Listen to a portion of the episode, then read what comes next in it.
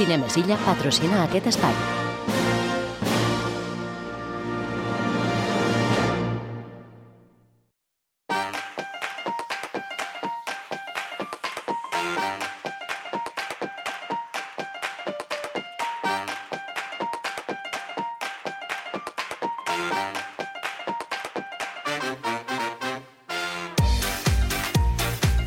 Doncs apa, anem com sempre, com cada divendres aquí a la companyia i a aquesta hora cap a Cinemes Illa Carlemany, perquè volem conèixer les estrenes que ens han arribat aquesta setmana i ho fem al costat d'en Robert Ruescas, director en funcions de Cinemes Illa Carlemany. Robert, bona tarda, benvingut. Bona tarda, Xavi. Bon any. T'ho vaig dir la setmana passada, ja, no? Bueno, encara No. estem a l'any passat. Clar, l'any passat encara, sis dies cinc, avui sí, sí, només. eh? Bon any. Bon, any, bon any.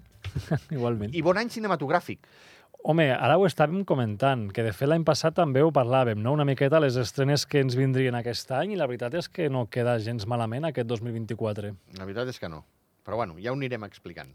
Ja ho anirem explicant mica en mica. Que en principi han d'haver-hi moltes novetats. Moltes. En fi. Uh, amic meu, va, estrenes que arriben aquesta setmana a Cinemes Illa Carlemany. Bé, per una part doncs, tenim Los que se queden Sí. i per una altra doncs, Agente X, Última Missió. Última missió. Home, eh, això fa pinta última. Eh, vol dir que... No vull fer spoilers, eh? O el pela no... A veure, jo, clar, jo, jo, jo ara ho sento, eh? ara he de ser sarcàstic. Vin Diesel en Fast and Furious sempre diu el mateix, un últim viatge, un últim viatge, i, I no i aquí creus, els tens, aquí els tens ara ja preparant per això que... No t'ho creus, No, clar. ja no. Val. Agente X, última missió. Uh, què veurem aquí? Perquè se li fa un xantatge a la CIA, no? Sí, que poca broma, eh? Poca broma, poca broma. Poca broma. Bé, en aquest cas, jo no sé si classifica aquesta pel·lícula com acció o ciència-ficció per al plantejament, eh? Perquè, Carai. clar, és el que dius tu, no? Estan fent xantatge a la CIA mitjançant assassinats de periodistes. Mhm. I això fa que l'opinió internacional i la resta de països es fiquin en contra dels Estats Units. Això és ciència-ficció pura i dura. Sí. Uh -huh. Tu ara m'entens. I tant. I tant, i tant, ens hem entès. Uh, acció, no? Aquí veurem molta acció. Sí, a, ens, eh, la que ens espera amb Agente X és un thriller eh, que parla molt de tema conspiracions, d'espionatge, que això, doncs, els que som fanàtics de James Bond o pel·lícules com Bourne, doncs jo penso que ens trobarem supercòmodes com a casa Perfecte. I doncs, amb les seves dosis de grans seqüències d'acció. De, de fet, el director de la cinta és tot una eminència en aquest sentit, és Renny Harlin, Uh -huh. que aquest senyor doncs, potser ara a molta gent no li sona, però als anys 90 va ser un director d'acció molt, molt consagrat, eh, amb pel·lícules com La jungla de cristal 2, eh, Máximo Riesgo, eh, La isla de las cabezas cortadas... Ostres, aquesta no la tenia controlada. Sí, no, no, és, és un director que en el seu moment va, va donar fort, Sí, sí, però sí. moltíssim. Bueno, la jungla de cristal i... La isla de las cabezas... I l'alerta màxima, m'has dit? Eh, Máximo Riesgo. Máximo Máximo Riesgo. Riesgo. Eh, Déu-n'hi-do. Sí. Home, aquestes- No, és, és un director que que, que realment va crear pel·lícules d'acció de culte, que realment avui dia encara són molt estimades. Hi ha gent que encara discuteix si Jungla de Cristal és una cinta nadalenca, o sigui que amb això Està tot dit, no? ja està tot dit. Uh, escolta'm, escoltem el tràiler. Endavant. Vinga, va. Alguien intenta hacer chantaje a la CIA. Mandan mensajes en forma de cadáveres. Sabes lo que significa, ¿no? Que Radek ha vuelto y tiene secretos que contar. Tú conoces sus costumbres, contactos, redes.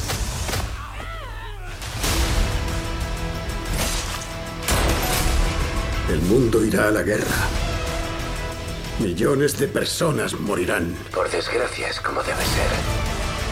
Jamás dejaré de perseguirte. ¡Sube!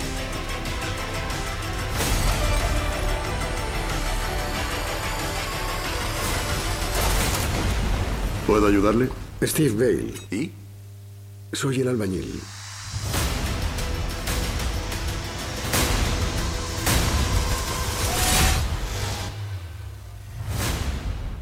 A veure, Robert, has dit dos noms que per mi eh, entenc que va a gustos, eh? que hi ha gent que ara es posarà les mans al cap, però ho sento. Per mi són de culte. James Bond i Jason Bourne. No, no, ja, ja sabia que ja... M'has tocat, m'has tocat. Ah, ja ho sabies, tocat. punyetero. Ja ho sabia. eh, si ens agrada això, hem d'anar a veure... Sí, evidentment. A més que és un gènere que és el que dèiem, no? Als 90 tenia molt, molt tirón, no? Però aquest tipus de pel·lícules d'acció que tampoc teni, no, no, no han de tenir més pretensions que passar una estona Correcte. molt entretinguda, amb escenes d'acció vis- vistoses, que tampoc abusin massa dels efectes especials, sinó que tot sigui el més físic possible. Molt bé. I a mi em sembla que els que siguin seguidors d'aquest tipus de cinema s'ho passaran molt bé. No és una pel·lícula que passarà a la història, però Però és evidentment... que ja sabem que anem a veure. Sí, això sí. mateix, Sí, això sí. mateix, però passarem doncs, gairebé dues hores superentretingudes i, a més, hi ha com aquesta moda també ara, no?, de tendència d'agafar actors consagrats que han tocat diversos gèneres i que ara es fiquen a l'acció, no? Ara tenim a Aaron Eckhart, Sí.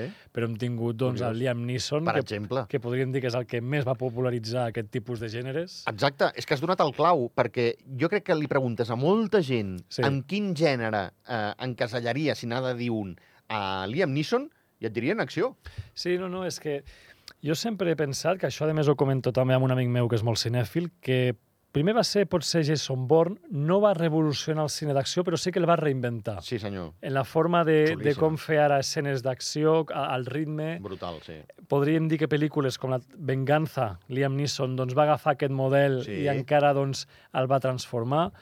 Podríem ficar dins de l'equació també a Keanu Reeves amb John Wick, Sí. perquè realment és el mateix, li ha donat un nou aire doncs, al gènere. I bé, i després, doncs, clar, tenim també a un Tom Cruise que ha intentat superar-se a si mateix en pel·lícules com Missió Impossible, oi? Que, o, o el que dèiem, no? Eh, La saga de James Bond, no? Que hem tingut l'acció que potser no ha patit una revolució, però sí que és veritat que arrel de pel·lícules com Jameson Bourne ha hagut una reinvenció total de, de com hauria de ser-hi i que ha creat una tendència que avui dia, després de gairebé 20 anys, continua. És que jo crec que és el que enganxa de Jason Bourne, aquest gir que va fer a l'acció. Mm, A mi em fascina, em fascina. Em, no et diré que em sé els diàlegs, però, però mm, la meitat quasi bé et podria dir que sí. Però jo eh, la fan a televisió i la torno a mirar. Sí. La torno a mirar. Sobretot jo penso que també la, la clau que va donar molt Jason Bourne va ser que la, també la- l'ambient era europeu, quan la, la majoria de pel·lícules sempre s'havien basat als Estats Units i eren més exòtiques.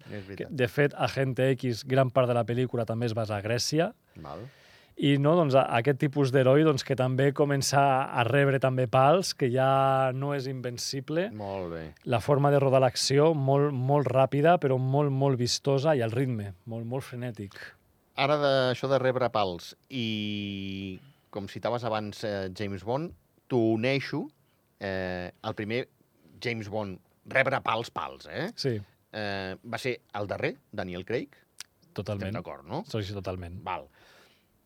Serà un any, el 2024, que parlarem molt de, J de James Bond, perquè, clar, va dir, el Daniel Craig va dir, prou, fins aquí. Home, jo penso que ja va ser hora. Evidentment, no n'hi haurà pel·lícula de James Bond per aquest any, pel·lícula no, però, jo penso que candidat... Home, a veure si tenim sort i ja, i ja tenim una, una mica d'idea de a on volen tirar la saga. Jo penso que això sí que ja, ja, ja n'hi haurà temps per poder esbrinar-ho. I t'atreviries a dir si serà dona, si serà negre, si serà blanc? A veure, dona ja tinc molt clar que no. No. O tinc molt clar que no. Dos coses ja tinc molt Bàsicament, clares. també, jo el que he pogut llegir, eh? perquè Sí. Ian Fleming eh, va idear James Bond com a home. Vull dir, Sí. no, no per cap altra cosa, eh? Vull dir... No, a veure, jo tinc molt clar dues coses. Una, que seguirà sent un home, això tinc molt clar, Val. i que no serà jove. No serà jove. Val. Evidentment, doncs clar, hi ha moltes tendències ara, no?, al fet de per què no una dona. Ja, de fet, els productors, els Broccoli, ja van dir que no havien de canviar el personatge, sinó el món. El que és, és evolucionar els personatges femenins als temps actuals, el qual em sembla una resposta i un moviment molt, molt intel·ligent. Uh -huh. I clar, doncs ara també estem en una època que també se'ls ha donat molt protagonista a, a personatges que acostumen a ser molt joves, no? James Bond no. Volen que sigui una persona que sigui més madura. Jo inclús el faria més madur, per, per reinterpretar una miqueta més la saga Uh -huh. I a veure què passa. Val, val. Negre no t'a- no t'arrisques, eh? Negre, blanc, això ja... Jo vull a Idris Elba i tu també el vols. Sí. Jo voto. A mi m'encantaria un Idris Elba. Clar. És que, a més, perdoneu-me, eh? però és que és una obvietat. eh, al servei de sa majestat, ara, el rei, no? Eh, Anglaterra, negres, jo crec que n'hi ha uns quants. No, i a Vull dir més... que, escolta'm, per què no un, Sí. un, un, un espia de l'MI6? Eh, No, i ja, Oh, ja és que hem explorat, a més, un James Bond més humà, una altra forma seria un, un personatge ja més madur, ja ha entrat a una edat que ja no està tant Sí. per a aquest tipus de feina, sí. i, i com se'n surt, no? És una vessant que mai hem vist en aquest personatge que seria molt interessant d'explorar-la, sempre i quan, doncs, vinguin amb aquesta voluntat de, de reinterpretar-se, no? Una altra cosa és que vulguin un actor que els hi duri 10-15 anys més. Ah, això és un altre tema, a veure què Exacte. passa. Exacte. A veure, jo crec que en parlarem aquest 2024. Mira, no sé, em dona... A veure, a veure si hi ha sort. Pel·lícula, evidentment, no, però...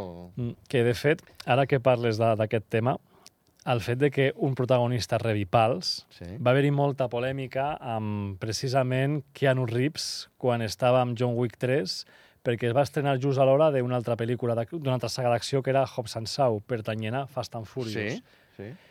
Es veu que actors com Vin Diesel, La Roca, eh, Jason Statham tenen signat per contracte la quantitat, que, que tenen control sobre la quantitat de punys que poden rebre i sobre el muntatge. És brutal, això, eh?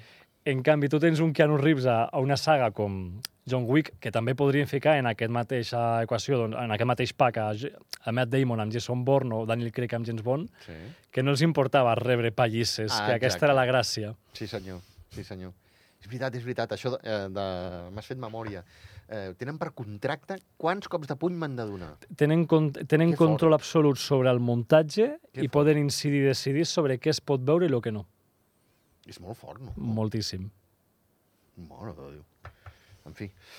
Uh, esperarem, esperarem uh, diferents espies, eh, com Ethan Hunt, de Missió Impossible, també. Sí, Missió Impossible, de fet, se n'anava per aquest any, la vuitena entrega, però finalment s'ha plaçat per l'any que ve, Correcte. malauradament.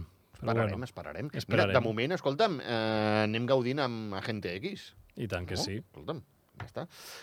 Uh, anem a la, seg- a la segona estrena, va. Los que se queden. Què me'n dius d'aquesta?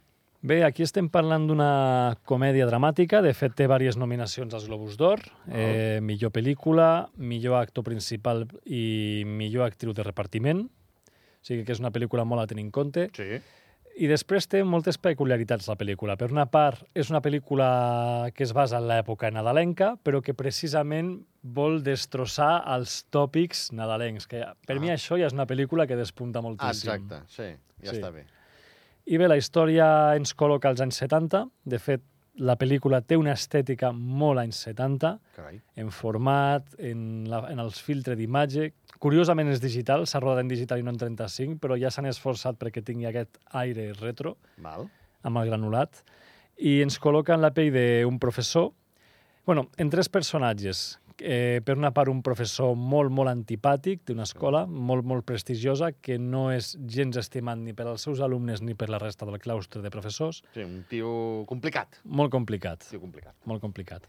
Per una altra part, tindríem a un dels alumnes eh, molt, molt conflictiu, que ja ha sigut expulsat de molts altres instituts, i per una altra part tenim doncs, a la cap de cuina, eh, que aquesta dona doncs, està, pata, està patint per una època molt, molt, molt complicada, ja que ha perdut el seu fill a Vietnam. Llavors resulta que aquests tres personatges que per dins mm, tenen un mal, un mal dins que no aconsegueixen superar, doncs es veuen obligats a conviure en unes festes de celebració com són el, els Nadals. Uf. Uf. Aquesta és la gràcia, no? Perquè al final no tenen cap altre lloc on anar, el noi no té cap família, i llavors són tres personatges que estan obligats a conviure i a aguantar-se. I Sí. aguantar-se. Aquesta és la clau. Aquesta és la clau. Val. Fins que finalment aquesta convivència eh, aprendran moltíssimes coses i que finalment tenen molt més en comú del que es pensen i que cadascun d'ells pot aportar un a l'altre. Escolta'm, ara seria molt fàcil que et digués escoltem el tràiler i mentre buscar-ho, però com que m'agrada posar-me en jardins, i jo sé que tu t'ho saps tot, ja, ja em poso el jardí. Uh, em fa recordar, no, no em diguis per què, eh? aquest uh, rondinaire, eh? Mhm. aquest senyor, aquest professor tan complicat de caràcter, m'ha fet pensar en Jack Nicholson a la, a la pel·lícula... Ara m'ha sortit, Mejor Impossible. Mira, És que no em sortia el Eh, títol de la pel·lícula. és que eren dues pel·lis. O era Mejor Impossible o A propòsito de Smith. També, Que, val. de fet, A propòsito de Smith està dirigida per Alexander Payne, que és el mateix director de Los que se queden. val. Que si tu pares a pensar, és un director que en gran part de la seva filmografia els seus protagonistes sempre han sigut persones inadaptades, complicades, difícils de tractar. Mm, Ja li agrada molt aquest tema. val. Sempre l'ha tocat molt. El que passa, no vull fer spoiler ni molt menys, eh? això sí que us, us garanteixo, de veritat, ja sabeu que intento buscar el màxim d'informació i a vegades amb el Robert parlem "Xt, fins aquí, no diguis res més, jo no dic res més. Eh, i, I ho dic ben bé a la, a la babalà, eh? Compte perquè a vegades aquests rondinaires són molt difícils de portar, tenen un caràcter molt complicat, però tenen un gran cor. Sí, al final la moralina no? de- d'aquest tipus de pel·lícules, sobretot amb aquests personatges, és que darrere d'aquesta capa de persona difícil, complicada, antipàtica, eh, hi ha una història trista, dramàtica al darrere, que al final entens una miqueta més el context del personatge. Paul Giamatti, que és l'actor que l'interpreta, doncs també té un context que, que realment justifica per què és així el seu comportament i per què actua d'aquesta manera, i al final, doncs clar, és impossible que no acabis empatitzant amb ell. Correcte. Sí, sí, m'has tret la paraula de la boca. Al final acabes empatitzant, clar. Sí. Ara sí, va, tràiler. Som-hi. Vinga.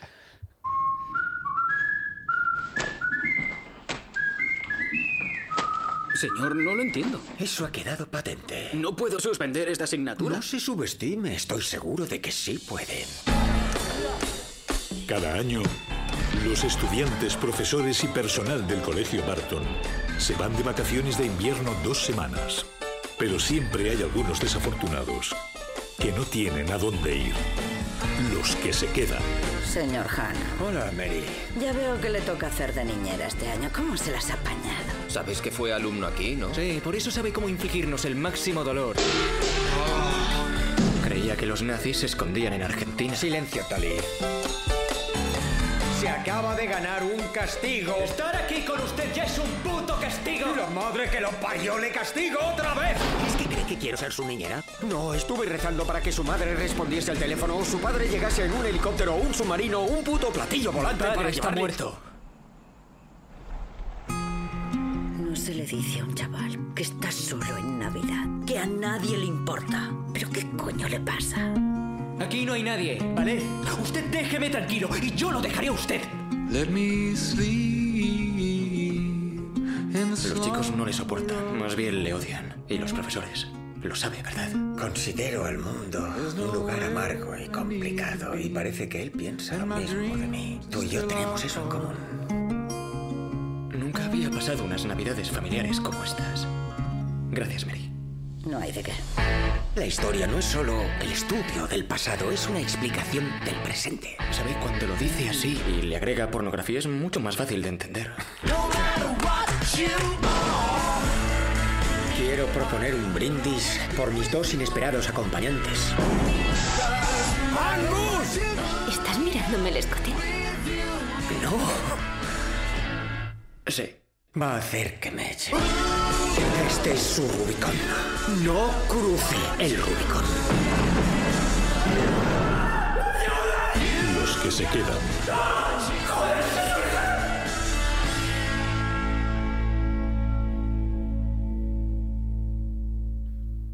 Vinga, va, estàvem aquí dialogant amb el Robert, eh, al voltant de Los que se queden, eh, pel·lícula, amb tres nominacions, ens deies, als Globus d'Or.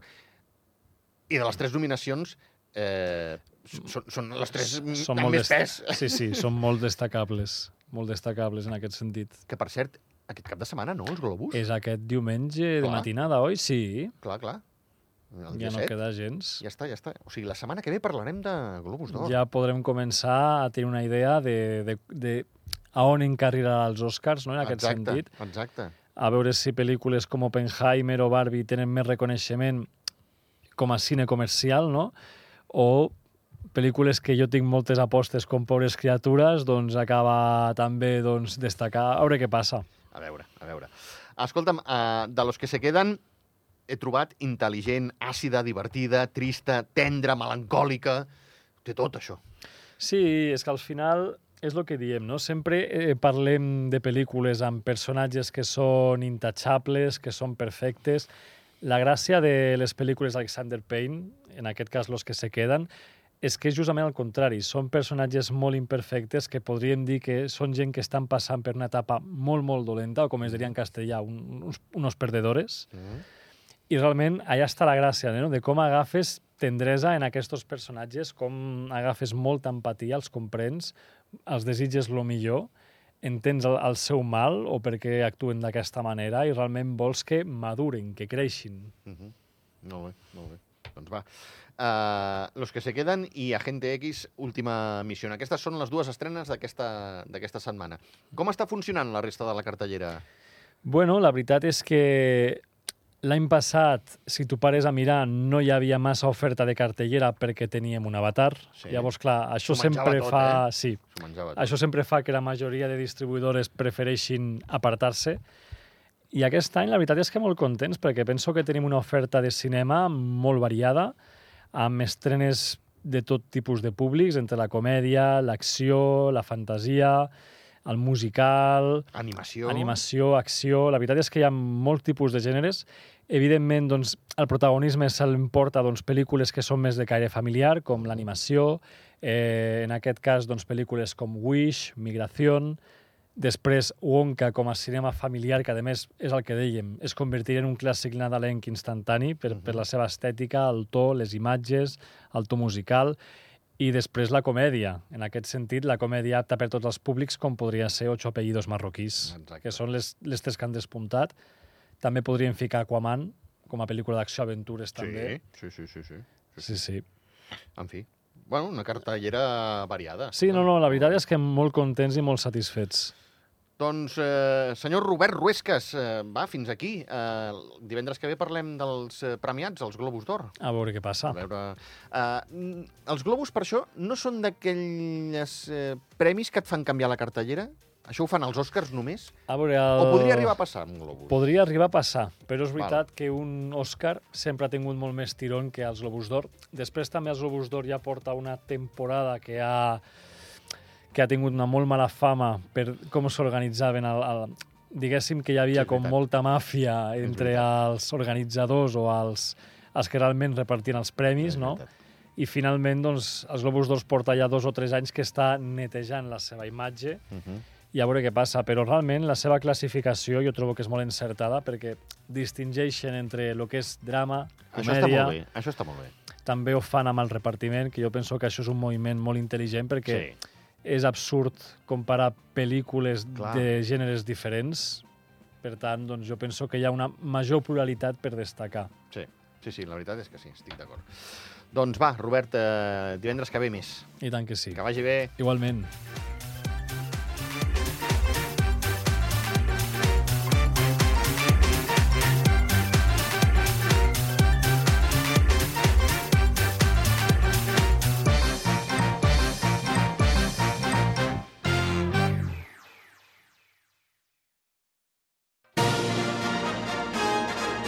Silla ha patrocinat aquest espai.